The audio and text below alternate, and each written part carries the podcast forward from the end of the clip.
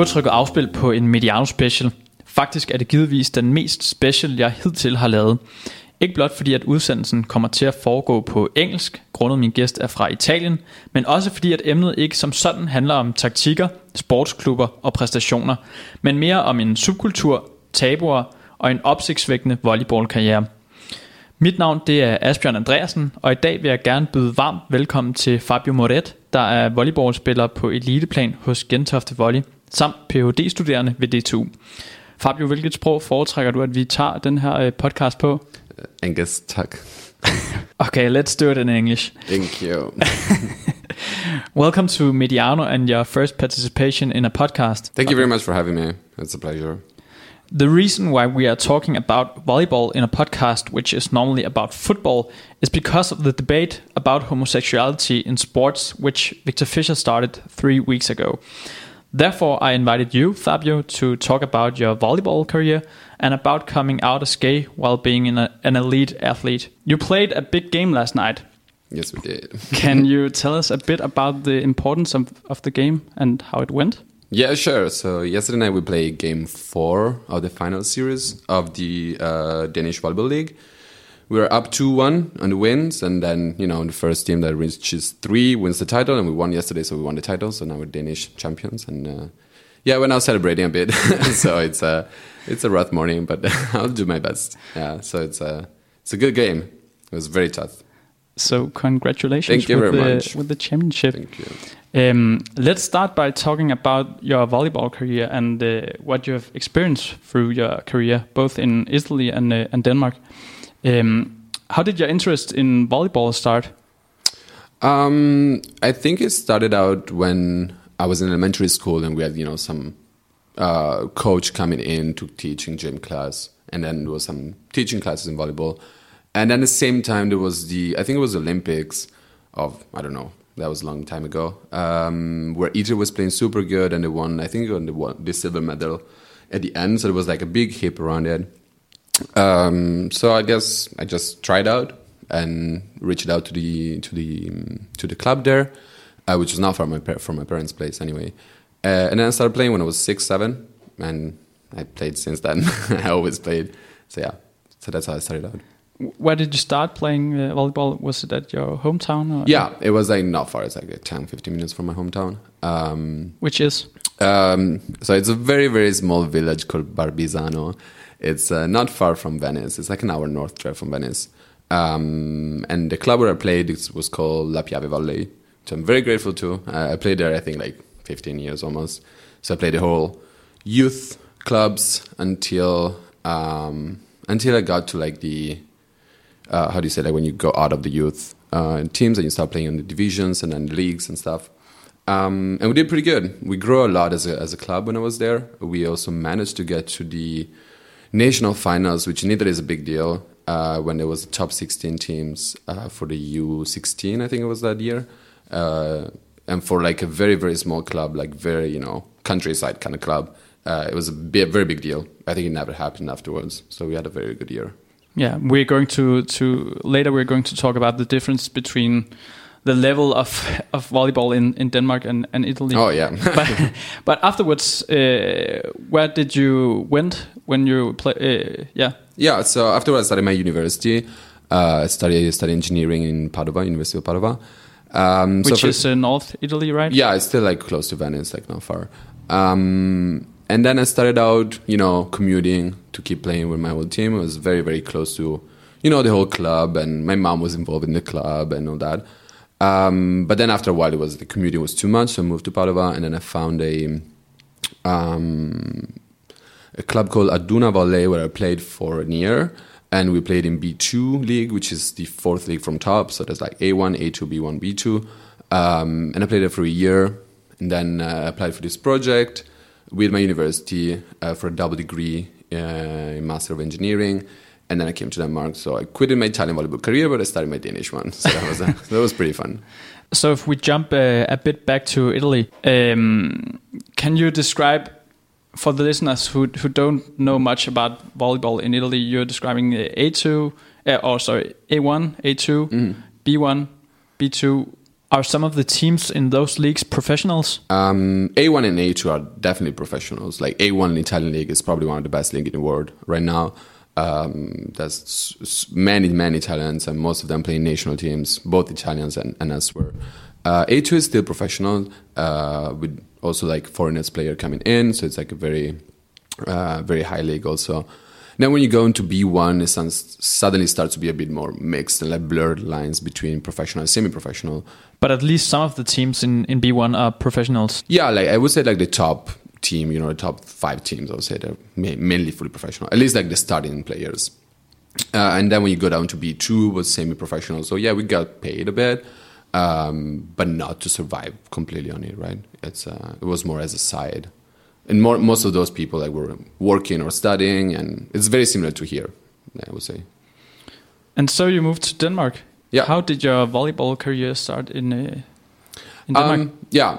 So uh, the first year I was here, I was not really playing because I was I was in contact with one of my uh, my ex teammates uh, from the Padova team, um, and he was here in Denmark already, and he was playing for Holte, and he was like, "Oh yeah, you should come and play with us with a libero." It was like, "Sure." Um, but then the team kind of like stopped and blew up. I don't know what happened. So they closed on the team. So I suddenly came up here and was like, okay, what do I do? But um, in the introductory week of DTU, we had a beach volleyball day or afternoon. And I started playing for fun. And then one guy popped up and said, oh, you can play. Like, yeah, sure, I played for 20 years now. So yeah, definitely I can play. Uh, and it's like, oh, you should come to Lyngby. We have like a cool team, like with young guys. It's a lot of fun. You should come and practice a bit. And uh, and I did, but obviously the season started already, and they were playing even first division at that point. Uh, so I practiced a bit with them for the first year I was here in Denmark, and then they got promoted to the league the year after. They won the uh, the first division title. Um, so then they got a new coach, a Serbian coach, and then they wanted to build up, you know, better team, like stronger with more experience. And they were super young guys, uh, very good and very talented, but you know, like still like a bit of like a raw talent. Uh, so they asked me if I wanted to join uh, fully, because obviously I had way more experience than they did. Um, so I started playing for them the first year, and we did actually pretty pretty good for being a young team in the league. Um, and then yeah, that's how I What's pretty good? I think we end up sixth at the end. Uh, we play playoff. We actually got kicked out by Gentofte that year, uh, and I think that that year Gentofte even won the title. So they're a very good team. Um, but again, I was what 25, and I was definitely the oldest. Like all the others were at least uh, below 20, I would say. Um, and most of them are, I'm still playing with. Like they either moved to Gentofte or they're playing in other teams, and we still play like against each other. Um, so that's a lot of fun. Um, and then basically after that, the coach from Lyngby moved to Gentofte and asked me and a couple of other players to join if we wanted to. And with the offer of play Champions League, so I obviously said yes. I totally jumped on the train. Um, and then I started playing for Gentofte. I played there for like the past three years now. Yeah. So that's your, your Danish volleyball career. Mm-hmm. Um, but for what reason did you move to Denmark? Um, so the main reason was obviously studying. Um, again, this double degree project uh, from for electrical engineering, and one of the choices were was uh, DTU. And since I'm studying sustainable energies, DTU is probably one of the best universities in Europe uh, that you can do that. Um, so I decided to come here and see how it was, and then I never left. so I, I came here, did my master, graduated three years ago almost, and then I started my PhD a bit after, and I'm still there. so I'm trying to finish. So, so obviously it wasn't because of the volleyball uh, career that you, you moved to Denmark. No. Can can you describe the difference between playing uh, elite volleyball in Denmark and, and Italy? Yeah, definitely. If I wanted a volleyball career, I would probably stayed in Italy. Yeah. because I'm way more op- opportunities, right? Volleyball is pretty. I mean, it's not a huge thing as football is, uh, but it's still a big thing. Um, so there's a lot of people going to the stadium, like gym. Uh, there's uh, live stream in the, in the media uh, on national TV. Um, so definitely, I would have tried to do that there. And I, for many years, I thought about doing it. Honestly, um, but then I don't know. I got caught up in my studies, and I was I like that too, and so I decided to to focus more on that. Uh, but definitely, there's a big difference. Uh, volleyball in Denmark is a very very small sport, I would say, right? Uh, I mean, obviously, a smaller country, so there's not many teams and many clubs, uh, and there's also there's not like a big tradition where volleyball in Italy is. How do you feel tradition. that? Um, mainly for like the amount of people following the sport, I would say. In Italy, it's still like a very, very big tradition because it started out back in the 80s, 90s. Uh, Italian volleyball team was very good, was competing in the Olympics, and, and that gives you like, you know, shows to the broader public, right? And then suddenly you start this movement. Uh, and that was happening both at the uh, men and women uh, teams, so both of them are really good. Both leagues are very good. Uh, so suddenly you have a lot of followers and you build up this momentum and this um, this movement eventually, right? And then you attracted kids, and then clubs can start and that. Well, in Denmark, I think you are focusing more on other type of sports. Like handball is very big, which basically does not exist in Italy. Um, obviously, there is, but it's not as big, right? Um, and soccer because everybody loves it apparently. Yeah, we do. But if sorry, if we are looking at your team, uh, Gentofte Volleyball, how many of your t- uh, teammates are on the national team? Um, the number is pretty high, I would say. Like uh, for sure, in the past uh, two three years, most of the national team has been covered by players from Gentofte. Um, um, there are some other players obviously coming from other clubs in Denmark, and most of the other players are coming from outside because they're playing professionally outside. And also, mo- some of my teammates right now they have been playing professionally in the past years, uh, either in Germany or France or Belgium or you know around Europe. Uh, so there's uh, Gentofte is uh, for sure well represented. We have a we have very good uh, group of talents, uh, very also young talented guys. Like one guy has been now scouted for going with the full scholarship in UCLA next year. So he's gonna fly to Los Angeles and try out his career there. Uh, and he's a very young guy, very talented. I think it's like 19, 20, 2 meter 10 or 8. Yeah. So he's um, we have a very good talent team. And uh, yeah, definitely representing the national team, I would say. So if your passport were were Danish, how would the I would love to play for the national team. Um, no, I think I, w- I could definitely like be considered. Um, and I think I actually also talked at some point to um, to the coach at that point, national team, uh, and he's like, "Oh, you should get your Danish passport," but that takes seven years. So I don't know. I have two years more, and then you need to like you know do the process of transfer from Italian Federation to the Danish Federation. That takes a lot of time. But yeah, I, I think I could definitely play. could you ever consider it? Oh yeah, Yeah. Uh, I think playing for a national team is uh, something amazing. Like you represent your country in an international competition, so it's a it's an honor and it's it's a great experience. You get to play with other national teams with super good players, and you know it's uh, it's a lot of fun. I would say. And again, if, if we try, try to compare to uh, to Italy, um, Gentofte, yeah, you just won the championship. Where would they be? In the leagues? Um, I think we could place fairly okay in a B one league. Um, Which is the third? The third league from top, yeah. Um, I think two years ago we had a very very good team, or last year we had a very very good team, and then we could maybe compete for like the bottom A two. Um, but uh, but definitely like between like you know B one and A two, I would say. Um, but yeah, the Italian league is again like another level, especially Italian national team. I could not play for the Italian national team. Let's put it that way. like I've not even been considered for playing in the Italian national team. But those guys are like you know extremely good, and I think they got like again very high in Olympics last year or like a few years ago.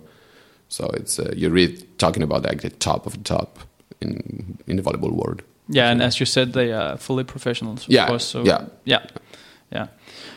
What do you think um, if you're trying to remember back at your time in Italy?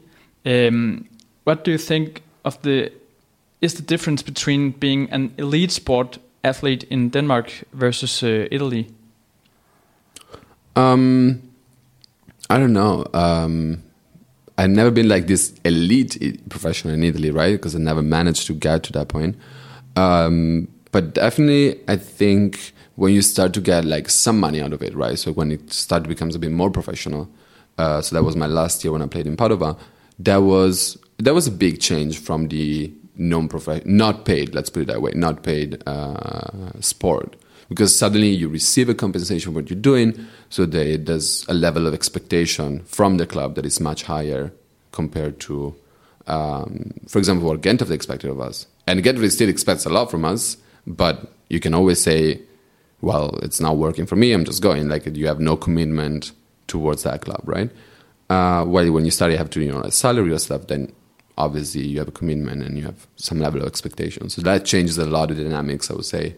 Um, it becomes a job almost, like a second job, even if you're not fully professional, right? So. Do you see other differences in the in the culture between Denmark and Italy, um, also out of consideration for your sexuality? Um, so I speak from my personal opinion. Yeah, of course. Um, so personally, what I experienced for sure, um, but I also think that those two societies, the Italian one and the Danish one, those are completely different societies. Uh, so homophobia in Italy is not necessarily only on sports; uh, it's also outside, right? Um, and for me, I never really experienced any type of homophobia um, in Danish volleyball league or in Danish sport environment.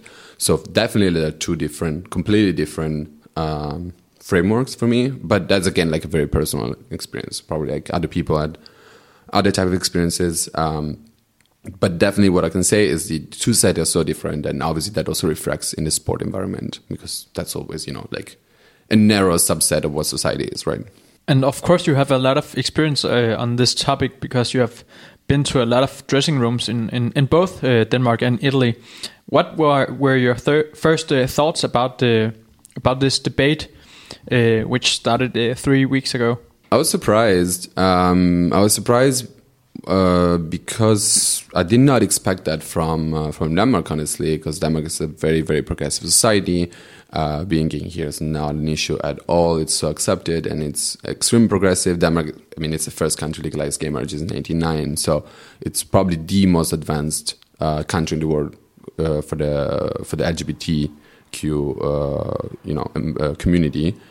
Um, so I was definitely surprised. Um, I also have not really uh, thought that much probably until that point about um, being openly gay uh, in a in in a sport uh, because for me it just came naturally and I never really overthought the whole thing.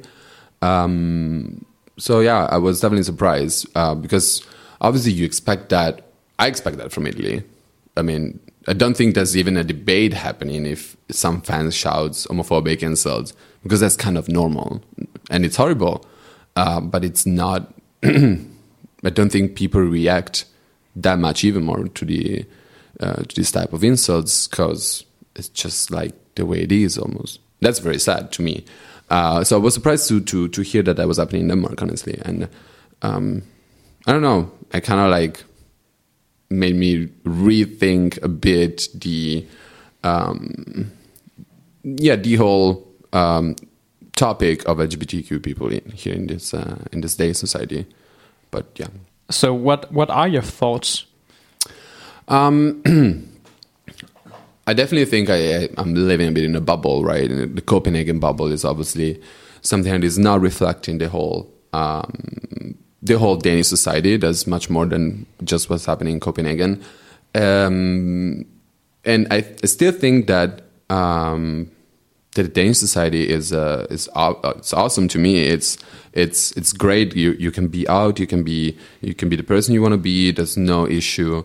Um, you, you're never in danger on honestly like some places in, in the world you're totally in danger if you're openly gay right? You can get in jail you can get killed you can get kicked up. Uh, so that's uh, for here it's like amazing. Um, however i don't know it's i kind of thought that um, the whole internalization of uh, what was uh, yeah homophobia in the past years and has been in the you know past century even um, I thought that that was gone in this society, uh, that people were not like really using this type of insults anymore uh, as an insult. Because I mean, if you, I, I don't perceive that as an insult. If people tell me, "Oh, you're gay," yeah, sure, that I am. Like, I, it's fine. Uh, so the way that the people use this as an insult, I think it's. Uh, I, I, did not expect that to happen.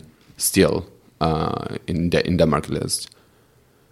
Did the homophobic debate, debate which Victor Fischer started, uh, occasion some some talks about homosexuality in sports in your dressing room or or the gay uh, community, as far as you know?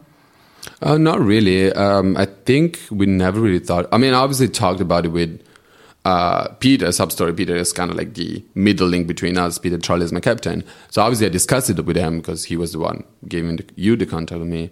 Um, but not with others. And honestly, uh, there's not such a thing as an LGBT community in Denmark. uh, and that's like another type of topic. Uh, I think here people are so accepting and so progressive that you don't need this super strong community. And then there's not a, uh, it's not a big fuss. At least, at least I did not perceive that. Maybe there was. Uh, I'm also like not very updated with news. I'm not great at it, uh, so maybe that's why I did not I did not perceive it. But uh, personally, again, I, I did not like really saw a big big impact on that. So if we try to to jump a big a, a bit back in time, mm-hmm. um, when you were in Italy, um, did you tell anyone back then uh, that you were gay?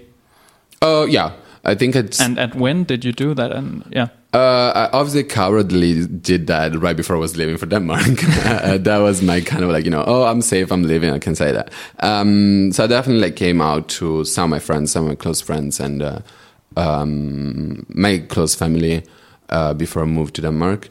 Um, so yeah, that was the moment. It was my my early 20s, like 22, 21. So it was kind of like a late coming out, if you want to say. Um, but it's not that late compared to like Italian standards.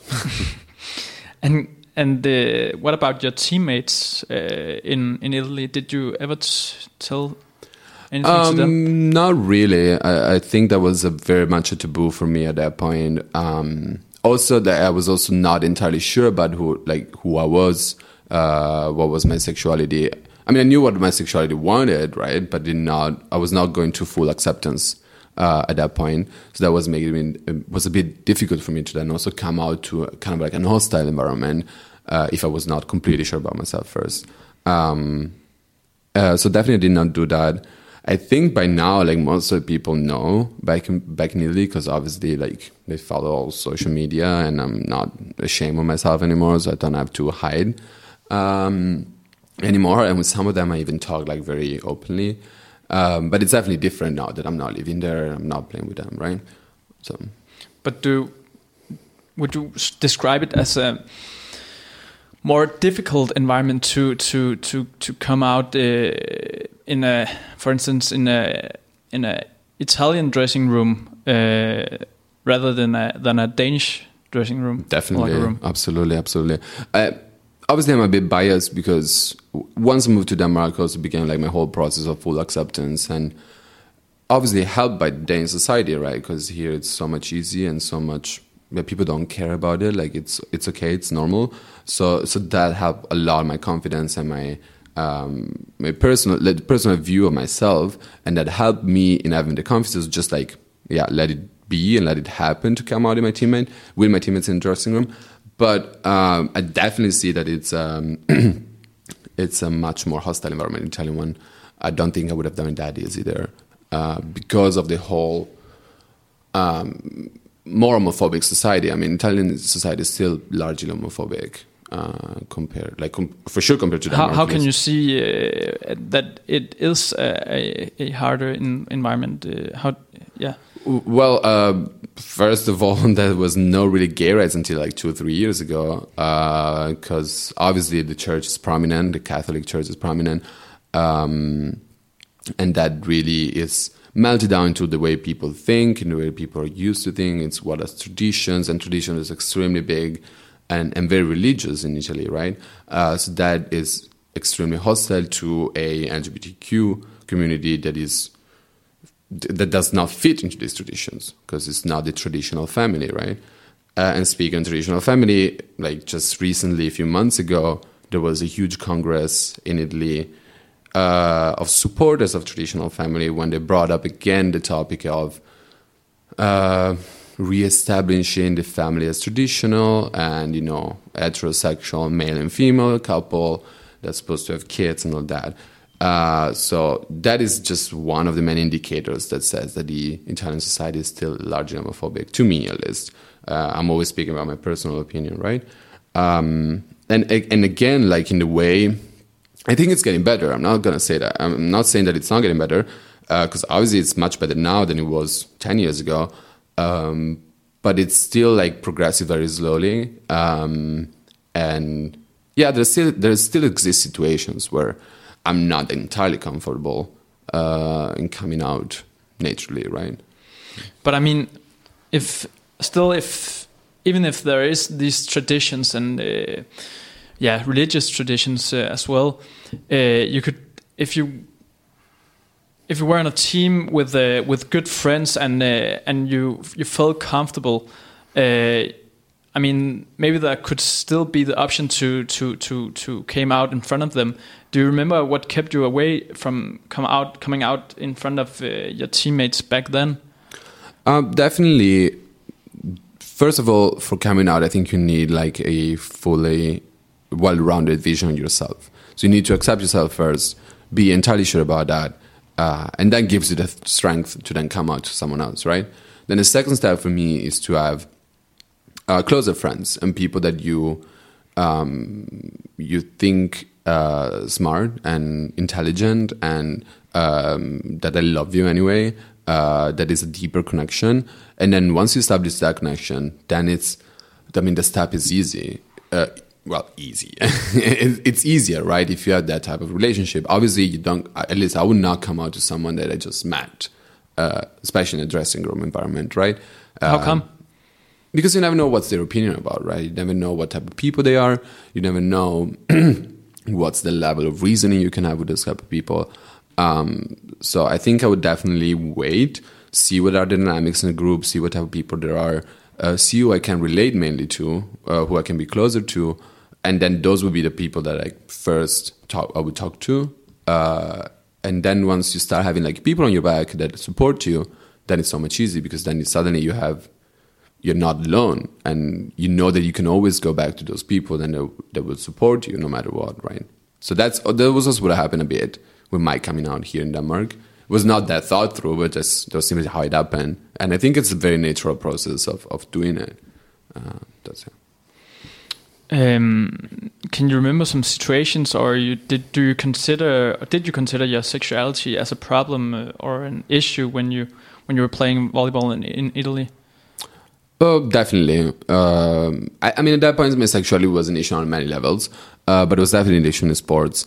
Um, mainly, like you know, um, in dressing room environment, people cracking jokes, and one main topic is obviously uh, homosexuality. You always like if you want to insult with a joke or joke about something uh, between teammates or among teammates, and you do like, oh yeah, you're gay or you're fag or whatever. Um, and that definitely established an environment that was not very safe and, and definitely hostile for me to then come out. Um, so so definitely um, it, it, was an issue uh, because of that mainly because I, I kind of felt at that point those type of people that I was interacting with they were not ready to get that news and maybe I did not even have the deepest deep relationship with them. I was also much younger, right?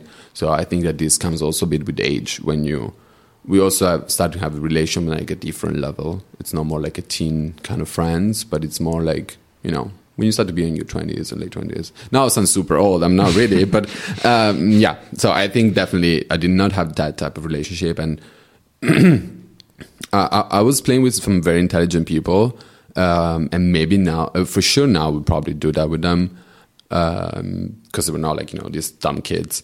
Um, but when you're teen, you're also a bit like, you know, naive about it. Um, and that's two ways being naive. You can be naive in, in my opinion, Danish way that you're like, sure, I don't care. Uh, or you can be naive in Italian way that is very traditional based, uh, based. And then that it's more like, that creates, you know, friction and tension that I didn't want to go through because I was not even ready to go through other type of tension in other type of environments, right? So how how did you react when they when they were cracking those jokes and uh, making fun of, yeah? Uh, well, you, you, obviously have to laugh, right? Because that's like the social pressure of it. Um, so you laugh about it, and you internally you're like, your level of shame keep rising because you're like laughing about yourself almost, uh, and not in a self-ironic way, but in a kind of like I don't know, very beautiful way. Um, so definitely like you kind of at at least I kept up like a facade uh, for for many years. Uh, on those years, I started dating at very end of my uh, of my stay in Italy right before leaving. Uh, dating meaning like dating a guy before was kind of dating some some girls, um, and there was also a lot of like social pressure and kind of uh, consequence. Um, you basically just yeah lie and say oh yeah maybe I'm like I'm dating like and then so, oh yeah she's cute. And you try like to avoid the topic right?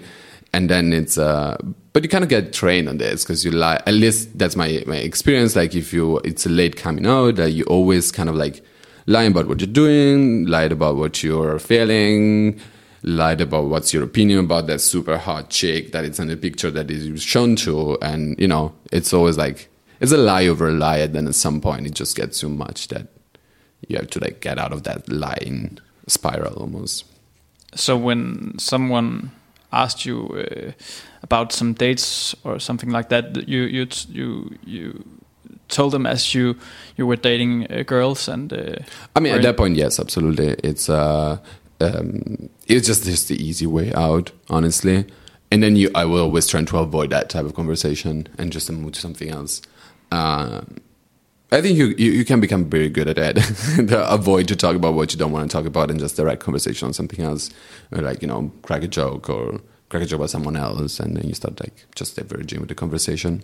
So it came out just before you moved to Denmark um, to your family, or at least your mom. Can you describe this uh, this process? Yeah. Um, I think it came out because then I started dating uh, one guy that back in Italy at that point. So that was the moment when I kind of like accepted that uh, I was going to, through that uh, that relationship, uh, and the relationship was with a guy, and I just say like, oh, these lies to me at some point were like too much, uh, and I just needed to, you know, get the weight away from my shoulders and just start living my life in a much easier way. Um, and then you know, like there was a, moment where I was still trying try to keep it hi- hidden, uh, especially from my friends in university at that point. Um, and then I was like, oh yeah, I'm just uh, I'm just gonna go for a walk tonight because there was, this guy like waiting for me downstairs. Uh, and then my friends like, oh yeah, I'll come with you. I was like, okay, mm, maybe not. Thanks. Uh, why not? I was like, I, I don't know. Uh, so I couldn't come to a lie at that point, right? And then she came down came down with me. She's a very good friend. She lives in Denmark now. Um, she came also for studying here, uh, and we're still super good friends. So she came down and and I was like, oh, so where are you going? Oh, I'm going that way. I was like, me too. Oh shit. and then yeah, we bumped into this guy. and was like, oh yeah, this is blah blah and his name. And then she was like, oh cool. How do you guys meet? And I was like, um, mm. and then she, at that point she realized, uh, and she was super cool with it. And I, I and looking back, I had no doubts about that because she's an amazing person, and um, and I was absolutely sure that she wouldn't have no issues about it.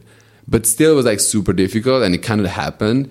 And then once it happens once, then it's just repeating that moment, and it's easier and easier the more you do it. Um, so that's when I first came out. I came out to my friends because it was easy. Uh, in university environment, there are obviously like more intelligent people in, at least in Italy, right? So they were more open, more accepting, more progressive. So that was absolutely not an issue. And then I came out to my other close friends from high school. That was also pretty fine. And then I s- decided to come out to my family, and that was a bit more rough. kind of took a bit of, of time for them to get used to it. Um, it took Can you remember wh- when when you did that? um, I came out to my mom a week before leaving for Denmark. Again, I'm super coward, and uh, uh, I don't know. She kind of was kept keeping asking questions about, "Oh, you seem happy. What is happening? Are you dating someone?" Blah blah blah. And it's like, uh, somebody's like, "Yes, I am." Uh, and then she kept asking questions, and then someone was like, "Okay, I've I've had it. Like I have to." Uh, to just say it, and I said it, and then she cried. she cried a lot, and um, Because she was happy, or because she was no, sad? she was not happy. Like she was, uh, she was totally not happy. Um, so it took a lot of time. Um, I, then we decided to not come out to my dad at first. Uh, that happened like after a few months. Um, thank, thankfully, my sister and my cousin, which were always super close, uh, they were extremely accepted from the very beginning. So with them, they were also like a big help on my side because they were kind of also mediating a bit with my parents. And obviously, I was never mad with my parents, right? Because um, I love them and I know they love me, and um, but I also understood where they were coming from, understood the way they were raised, understood their heritage. Um, what do you mean by that? Oh, the, the, the Italian Catholic uh, based heritage, right? So I understood what they were told uh, what they were taught when they were kids, and since like you know the moment I came out, I'm almost like fifty year old, right? So if you, for fifty years you've been seeing things one way, uh, and you've been thinking being gay is not okay, and it's not natural, and it's uh, it's just confusing, and blah blah, then obviously you can now react by just saying, "Oh yeah, it's fine." And as long as my, especially my mom, she's always been she was not she was never homophobic right? So she never commented on anything uh, when you see it on the news or people that maybe she that we knew. Uh, but obviously when it happened to his little to her little son then it's a big difference right? Uh, so i think for her it was very very hard to to uh, it was very hard for her to process that. Uh, and we talked a lot in that moment uh, and the whole thing kept going for almost two years i think. I think after two years both her and my dad fully accepted. Uh, accepted is more like it's it's kind of like a difficult uh, term in this situation. It's more like they fully processed it because I I think they, they they accepted me obviously from the very beginning. They never kicked me out of, of their house or they told me like oh we're never gonna talk again. You're never gonna come back. That never happened. Um, but I think they processed it after two years. So after two years, um, when we're talking about it, my mom was not tearing up, at least. Uh, and then she was starting to ask questions about yeah my current boy- boyfriend. Uh, so she was you know getting more interested in knowing him and meeting him, and you know it was becoming more normal to her. Um, and uh, so that's how I kind of realized that she was okay with it. Uh, and now we're now we're great. Like they met my boyfriend several times, and we're gonna go down to my parents' place in a couple of weeks from now. Just have some holidays finally after this season and um, so yeah, they're very excited to have him over and to cook some great Italian food for him, and you know, so it's uh, now it's great. So this process to come out came when you just moved to Denmark. Do you remember if you had any thoughts about if you wanted to to tell um, anyone, and especially your teammates, when you start playing uh, playing volleyball again?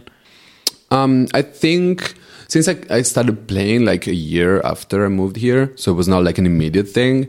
Um, I think already uh, uh, in that year a lot happened. Um, I had no idea where I was coming to. I, had no previous thoughts about LGBT community in Denmark. Um, again, since in my head I was not gay for so many years, I also did not, you know, did my research about it. Uh, so then when I started, you know, uh, researching a bit more about it, and when I came here, uh, actually one of my first memory of Copenhagen is that I was standing at this crossroads, and, and then in front of me, like on the other side of the street, there's two guys uh, holding their hands, and all they had a little kid, and I was like, oh, okay, what's happening? And people are not staring at them, and then okay, that's super weird. Uh, and also when I arrived, it was Pride Week, so it was like rainbow flags everywhere, and I think, oh, this is gay heaven. That's amazing. Um, so, so that was my first uh, impression of Denmark. That was great. Uh, so then I started doing my research, and then I also started to experience Denmark a bit more and see that where I was going, the university was super open environment, but also outside university, university was super good environment. Um, and then I started playing, uh, practicing a bit with, the, with Lyngby first, and then I started playing the year after. And and at that point, I think there was still a couple of jokes cracked about the topic, uh, and the guys did not know about me because they also did not know me, right? Because it was new, uh, never met them. I met nobody. I knew nobody in the volleyball world here in Denmark. Um, and then um, I don't know. I, I kind of did not even feel them, feel them, because it was being just back to Italian dressing room. So for me, it did not really hurt much at that point because I was kind of used to it. Um, so I'm, I'm obviously I was not, I was not mad about uh, uh, towards my ex teammates at that point. Um, but I think it got to be weird when I first came out to a couple of my teammates back in Lyngby, um, and then they realized then when those jokes were cracked that that could be offensive right towards me, and and they were like, when that happened, they kind of like looked at me in like you know scary eyed, uh, and I was like, yeah, sure, sure, I'm fine, it's not a problem. Um, So it, it was only a few people who knew it uh, in Lyngby. yeah, yeah, I think it definitely came out to two of my good friends, and one is still playing with me in Gentofte now. Uh, and one is actually playing the second team of Gentofte now, so we all moved there. Um, so definitely came out to them first. Uh, again, in a very smooth way, because I had like there was the two guys I had the best relationship with, um, and we talked about so many different things. And then, since Danes are very private and reserved, that they are you dating is not the first question they ask. So that happened a bit of, like you know a bit ahead of time. And when that happened, I'm just like yes, and then was like, oh, what's she doing? I was like, well, he is in Italy, and I was in distance relation by that point. Uh, and I was like, oh, okay. And then there was just that, as simple as that. Like nothing happened. Just talked about it, and uh, but then the interesting part was that when the other teammates that did not know cracked those jokes, then they were very much like, oh, maybe these jokes are not that funny if you can imagine there's a gay person in the locker room because you normally don't assume that, right? Um, and then I think like the word spread a bit, uh, but not as much in the me also because it came out a bit like late in the season with them, and they kept it for themselves. I think uh, out of respect. I don't know. I, I, never asked them, but I think they just like thought it was like a private topic. Um, they're extremely nice people. Um, and then the same thing happened in Gentofte. Yeah, can you remember the first time you came out to a teammate when you just moved to to Gentofte? Yeah, definitely. Um, so I think in Gentofte people knew a bit, like I had at least doubt about it when I first arrived. Um, and for the first half of the season, like again, I was playing with people that did not know that well. And and this guy that I came, one of the two guys that I came to, he also moved to Gentofte, so he knew, but he's also like a very reserved person, so he was not talking that much. Um, uh, so I think like we just like you know started playing together uh, and build up our relationships, and then uh, I mean at that point halfway through the season we have the Danish Cup. Uh, so we were playing the cup, semifinals and finals in the weekend before Easter, uh, before Christmas, and um, and I mean at that point I had a much better, uh, a very good relation with Peter Trolle, our captain. Your captain, yeah, yeah, and um, and then I think that year we won the cup, so we were going out partying after the cup final with all the teams and blah, blah, blah. And then we were standing online at the club in Meatpacking District. And I was like, oh, sure. Um, so blah, blah, blah. How's your life going? I was like, oh, great. Um, so are you dating? And again, the same question, right? That came after four months. and, uh, and I was like, yes, I'm dating. And, um, and then again, so what's she doing? And I was like, oh, he uh, is uh, studying law. And then it's my current boyfriend. Um, and again, like the same thing happened. He was like, oh, yeah, sure and then we just kept talking and and uh, and then I came out to a few of other more or less in the same way. It, it's like more I was talking with Peter about my uh, current boyfriend at that point, um, and then other people were just listening, and then it was just like very normal conversation. They kind of like I never went up to them and say, "Hey, I'm gay," but I just like was talking about my boyfriend in a very normal way, and then uh, and then just thought, how he knew and then um, the same thing happened a bit on the you know like jokes cracked a bit uh, on that process between uh, starting playing there and then f- fully coming out or like the words being the word being spread a bit more. Uh, so then was a moment where I think some of the people kind of realized that they cracked jokes in the past about it, and then they were a bit embarrassed, obviously. Um, but then um, but then they started doing that again, uh, and that was super fun because then it was um, it's a different way of, of, doing those jokes, right? Because if you do a joke where um, you don't assume that type of demographic is in, in, is in the is in the room, then you do it in a very malicious way because you're uh, you're not you're sure that you're not heard, right? So that you can say whatever you want. While if you know that you're heard, but that type of demographic, then for me personally is the highest form of, of acceptance because then you can make fun of me, which is something fair, right? Especially in a locker room, it's always like you know very uh, joke kind of environment. Uh, so you make fun of me, knowing the real me, and then we can laugh about it together. So that I think it's amazing, and and that's what's happening right now in our locker room. It's extremely chilled, and people joke about it as we joke about whatever else. Um, so that was like a great moment, and I think uh, the whole process just uh, closed I think at the final, final, uh, so the league final, uh, like around April of three years ago, uh, when my boyfriend then came to see the match, and then it was just you know the moment everybody saw it, uh, but that was just like the official, if you want, coming out, but it was already happening. Like people already knew, and, uh, and it was so, it was already okay. So Do you remember if you had any um, reservation regarding telling, uh, yeah, that you are gay to, for instance, uh, Peter or some others of your of your teammates? Um, I think to Peter specifically, not really, because it happened. I it happened already with the other teammates a year before uh, on my previous club. Um, obviously, there's always that moment of, you know, embarrass not embarrassment, like awkwardness. Um, and it happened also yesterday night. That was crazy. Uh, so yesterday we were out partying after the, the final, and I was I was like get, getting some air um, out of the club, and then one guy started talking to me, obviously like drunk, and then he was talking to me. I was like, yeah, yeah, sure, sure, sure, blah blah blah. Where are you from? What do you do? What did you win? Because we had the medals on and all that. And then I was, uh, and then he asked, "Oh, are you homosexual?" I was like, "Why are you asking?" Oh, you know, like the way you're standing, the way you're dressed, and blah blah. I was like, "But sure I am." Uh, so you know, on that moment, there's always like a bit of I don't really know you that well. I mean, I didn't know this guy at all, so that was even more weird, right? But even if you know the person, like you never, you're never hundred percent sure. So there's always that like small percentage that you're not like entirely sure about what what's gonna happen. Um, but as long as that percentage is small, then you're fine. So the way I see it, you are describing a time before and afterwards you you came out to your teammates, but they are still making those homophobic jokes. Do you, in in your perspective is is it more okay to make those jokes uh, now that they know that you are gay? Yeah, I mean, Because- it's it's definitely like a controversial topic, right? Yeah. So I, I think personally, I love politically incorrect jokes. Yeah. Uh, so for me, for them to do that is, and because they know me as well, right? Because I know them, but they also know me.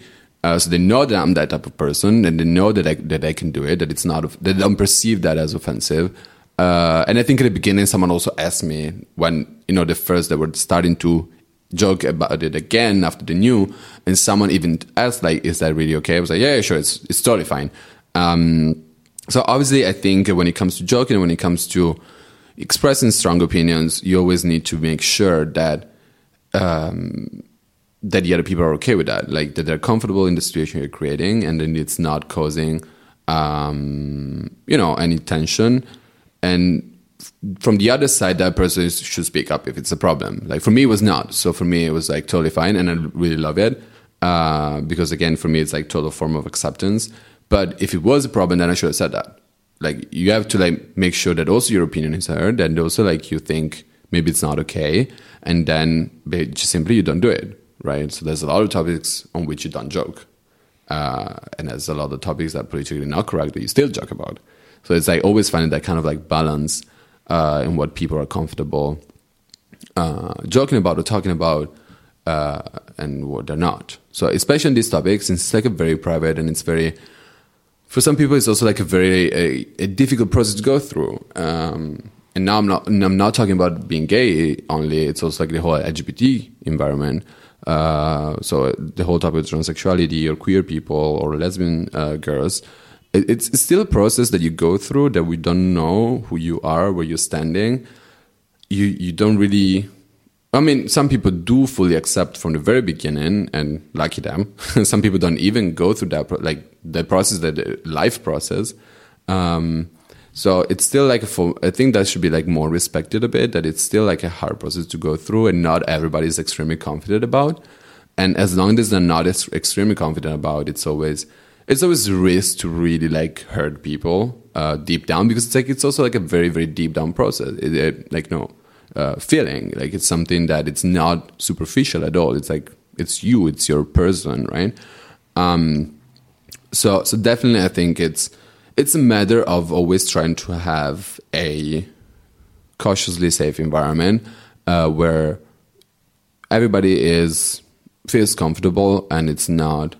Uh, discriminate is a strong word, right? But it, it, so nobody is, is put in a situation where again, you have to laugh about dad jokes out of social pressure. You need to laugh at the jokes because you think it's funny. So that's uh, that's what I think it's a it's a big difference, and that's what I like that it's happening in our locker room right now. But do you think it's a good thing to come out to your teammates? Because you could also say that it's a very private matter, so it doesn't concern them. Absolutely, but it's still like it's still a very important part of your life, right? So as long as the, the relation with the people that are in that uh, group and the dynamics get to that level where you start talking about these topics, it's it kind of comes natural. It's the same thing as in a working environment. You're not you don't have to come out, but at some point with some of your colleagues, you're gonna have that type of relationship that you're gonna start to ask questions. People are curious, so I mean that that's just natural, right? Uh, so that there's always this like there's one option is don't ask don't tell. Like that's in the us army right? Where there was you cannot ask about personal uh, sexuality related topics uh, so then people would, were not like supposed to tell. So like you just avoid the problem but just not talking about it. And uh, and that is one way. Uh, personally, I don't think it's correct way because again, it's like you, you, you make it a taboo again, uh, and, and, that should not be the case uh, as far as I'm concerned. Um, so I think it's something natural, and we're obviously humans, and obviously we have human interaction. At some point they go to a level where you start talking about private things, like we. I mean, Danes are a bit too reserved for my for my sake. Uh, so they like when you get to talk about those things after a long time. That's my experience. in Italy, people get way more personal faster. Um, but I mean, that could also help in these kind of situations, right? Because you can build up a relationship before getting those questions. While in Italy, like I would have gotten, I would have got that question like way earlier, and then maybe I would not, I would be less sure of what that person would thought. So, so saying it uh, to your teammates, um, at your point of view, it can also help to to to break the the taboo. Oh, definitely, definitely. I think so. Yeah, and uh, according to to uh, to to Landsforening uh, for LGBT, six to ten percent of the people in the world uh, are homosexuals. Do you think it is the same percentage uh, percentage in in sport? Definitely not. Um, I think in an ideal society where you would not be discriminating, would not be like feel not safe in a, in a sports environment, more than not safe, like not accepted in a, in a sport environment, then obviously, yeah, I mean, statistic, statistics teaches us that then it would be the same 6 10%. Because uh, if you're gay or not, like you're still interested in soccer or volleyball or whatever else, right? And you want to try that sport, and if you're good at it, I mean, same thing. Um, however, I think there's a lot of people stopping playing, like dropping their their sports career because of that. Um, so I definitely think that those numbers are way lower because there's not many people that can uh, that accept to continue playing while continue hiding themselves.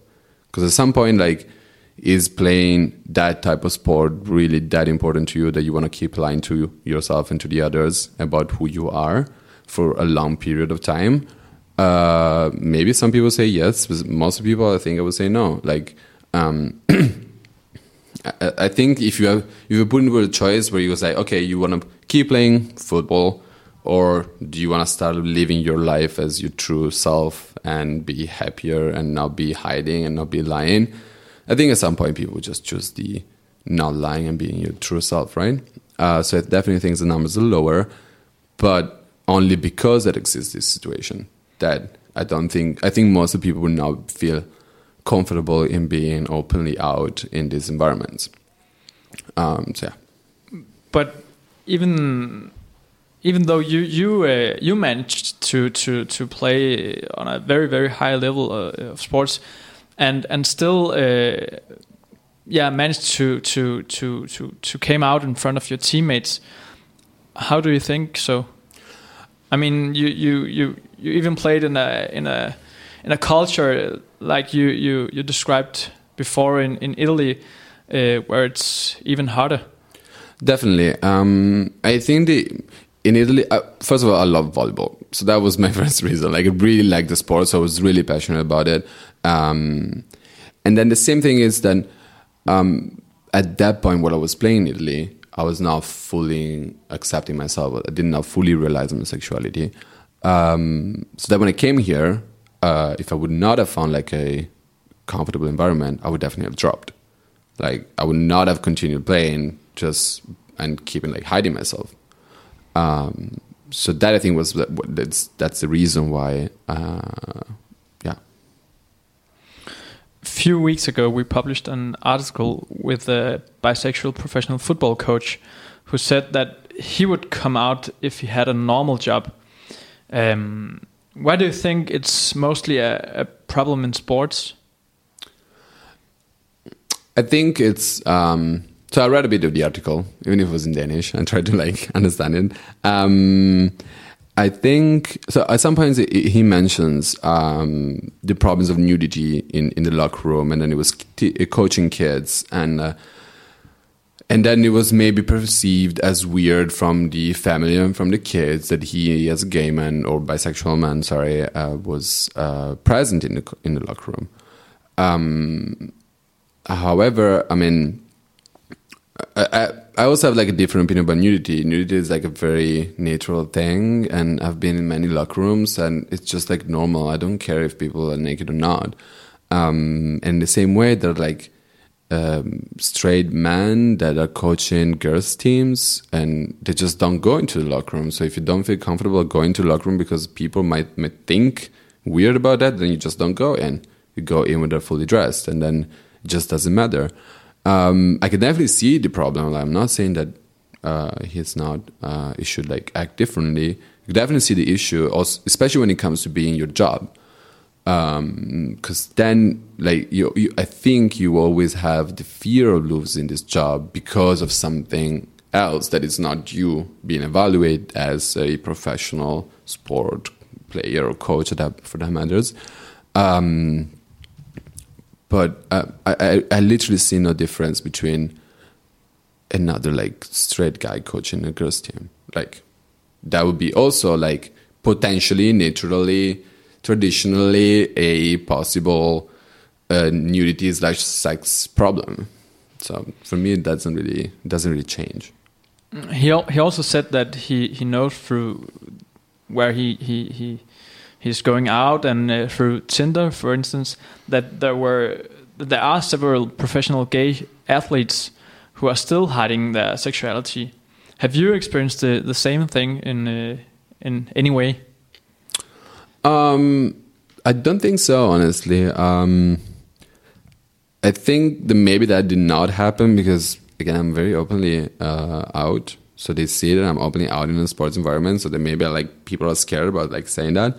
Um, but I never, definitely never like met anybody that uh, or like talked to anybody on this kind of apps that uh, told like told me that it was in in you know a professional athlete and still not uh, still in the closet. So that that I did not exp- experience honestly, uh, but I would yes imagine that that could be very very possible. I mean, I cannot be the only one, right?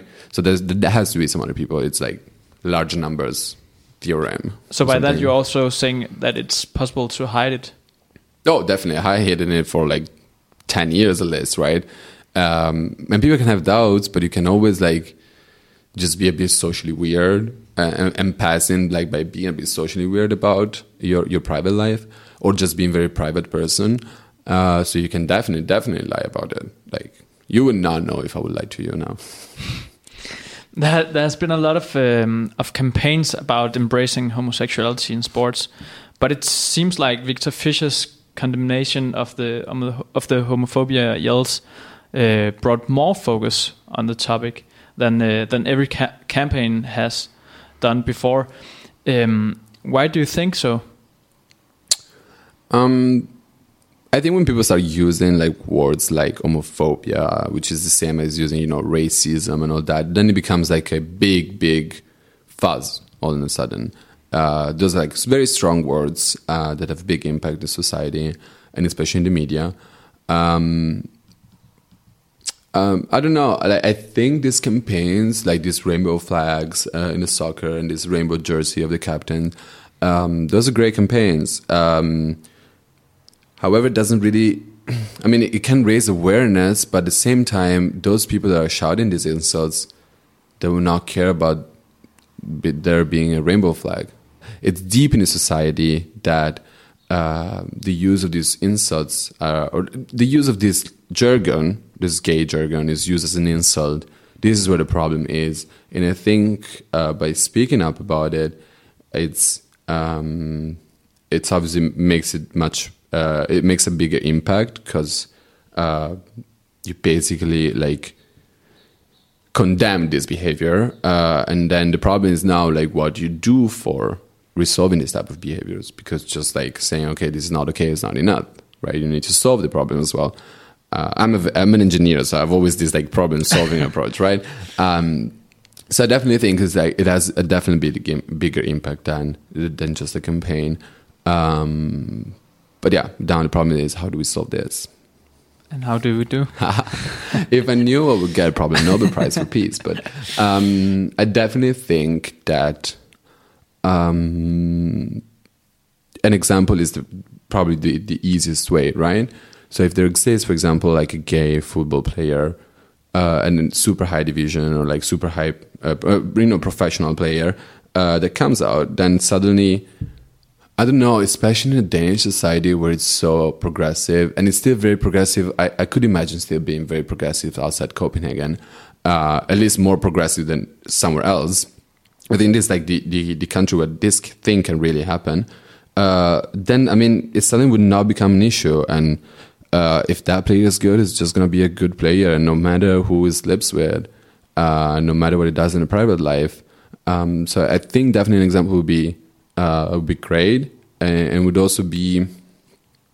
Uh, it would be giving like a bit of more courage to other people than to suddenly come out, right?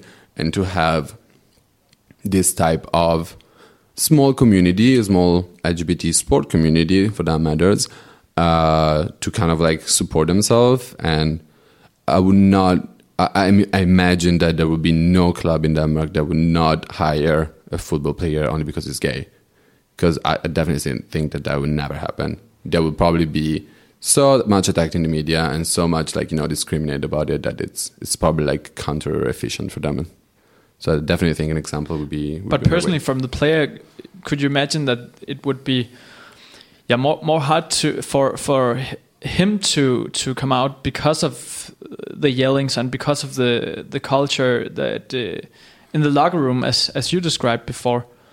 Definitely. So definitely, it's also like much. It would be much more difficult in my situation, right? Because I'm not exposed to fifty thousand people uh, in a big stadium. Uh, I wish I was, but I'm not. Uh, but um, so it's definitely gonna be hard. Uh, however, I mean, all the movements for LGBTQ rights were hard at the beginning. So there was always been that there was always been someone that like took the courage and did that. Uh, nothing is easy. Like if you want to change something, it's not gonna be easy. Um, and I think it's for sure this person is gonna take a lot of heat at the beginning uh, and it's gonna be it's gonna be hard and it's gonna be rough but at the same time it's also gonna be it's gonna matter a lot for the whole community uh, for the whole again lgbt community and the the whole society itself i think at least.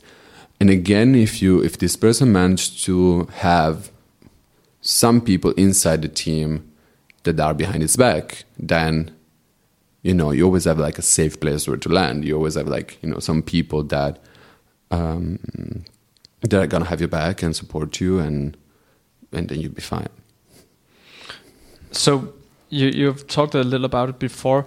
What would you wish from a very known um, athlete if he came out as um, in in public as um, homosexual? Um, I, I, mean, obviously, I wish that these people could speak up. Uh, it doesn't need to be big, right? Like, it, it's not that you have to tell about your life completely, but uh, you don't have to go into details. You, you don't necessarily need to tell your whole story. Like if you don't want to put it out that easily, uh, also because I, I, assume these people are not extremely comfortable with themselves if they're not out in specific environments, especially these environments that are very important for these kind of people. Uh, so for professional players, that's their life, right? Um, so I definitely think, uh, yeah, speaking up would be the, the, what I would wish for. uh, and then that would start. Uh, I assume, like you know, a, a little movement about it, uh, and then after, I mean, it's gonna be a couple of months, and then I don't think it's gonna be like a big issue. It's more like people should realize, and they don't realize until they have something happening to themselves. The same way my mom did not realize it until it, it, it was son, her son, right? Until it's you that you perceive that directly in first person. Uh, you don't realize what you even what you're saying and how you're behaving. So I think the fans of one club, uh, if this uh, this player would come out, they would suddenly realize. I mean, okay, that's the guy we cheered for until now, and he's great, and he's a good player. Uh, why would we now, you know, insult another player from another team by giving him like uh, using gay insults, right? So I think that that will create a bit more of awareness and of um, yeah perceiving what the real problem is, right? Because obviously, if you're a gay fan, you would not shout those things. I would not assume. I I, I hope not, right? Uh, so I think there's still a part, like a small demographic, or I don't know how small, but there still exists still a demographic that has not been in touch with this topic personally uh, to the point that you still use this type of jokes, uh, jokes, insults, because this is an insult, it's not a joke, right? Um, so I think that could be uh, since sport like soccer, football, especially, is like a very big thing, and fans are really passionate about it. It's almost as if as if your son come out to you by being gay because you really care about that person, you really care about that team, right? So I think that that's that's what lacks in people. Uh, like people that normally are not that comfortable with these topics, it's because they never have a close experience to it. Uh, they never met maybe uh, a gay guy. They never talked to him. Never had a relation with him. Uh, we don't buy it like we're normal people. And I think that when you always you, like if you had dude, if you have met someone like that, like a gay guy, right? You always project and say, okay, I'm shouting this but I like this person. This person is my friend. So why would I shout like gay insults if I have a gay friend? See what I'm saying? Uh, so also like this role model could also be. It's almost like coming out to your family because it's a very very strong and passionate environment, and that's what family is. Uh, so definitely think that. So maybe also if you're a father or a mother and bringing your son to a stadium, you should also consider what you are yelling at at these stadiums definitely. I mean, um, for the kids, it's it's not very educational, right? Um, and that opens another big topic. It's how do we then educate people about it? Um, I definitely personally think that it's uh, these issues are very generational, um, meaning that in few generations we're probably not going to have the same issues. Hopefully, um, because then people will get more used to it since it's becoming more, more normal, more um, easy to get in touch with. And that's Denmark is a great example, right?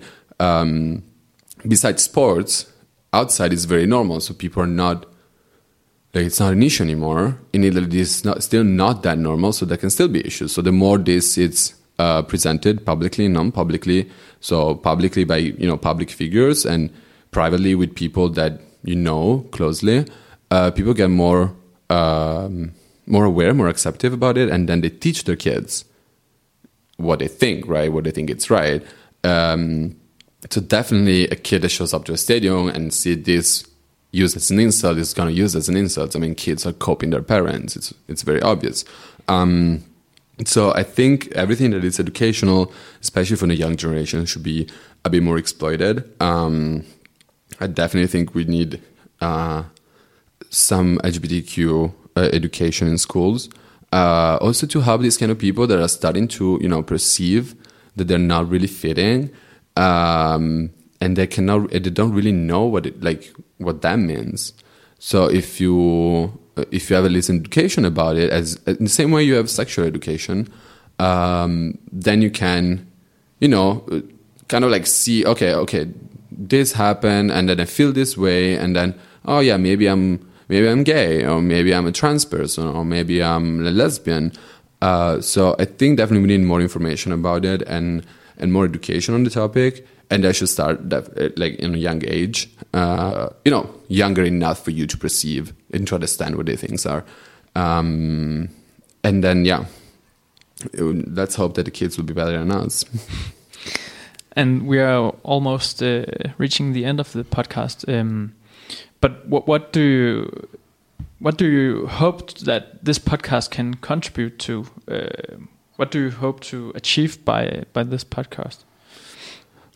Well, if someone's listening to it and someone like that that is in this situation that is um, is closeted and is uh, is professional in sports or even not professional. I mean, we can start also from non-professional movements. Like it's not necessary; it has to be professional. Obviously, professional is going to be have a bigger input, but also on a broader level, uh, people in sport.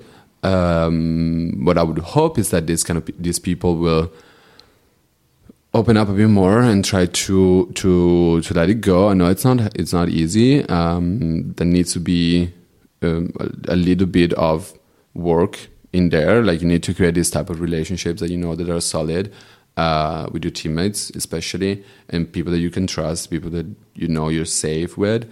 Uh, and then I think just come out to them and and try to maybe not even come out to them, but like next time they were asking how was the date, then say that that date was a guy or a girl, like reversively, right? Um, so it's gonna feel so so good. I promise. I think it's a very good feeling too. It's gonna alleviate a lot of the pressure that these people have, and um, it's gonna make your life much easier, and uh, you will you feel much happier. So before we uh, rounding off, do you have some anything to to add? I don't know. I just hope that like my story could be a bit of an example. Um, I definitely went through uh, some rough moments in, in, my life, especially in Italy, and I came here and.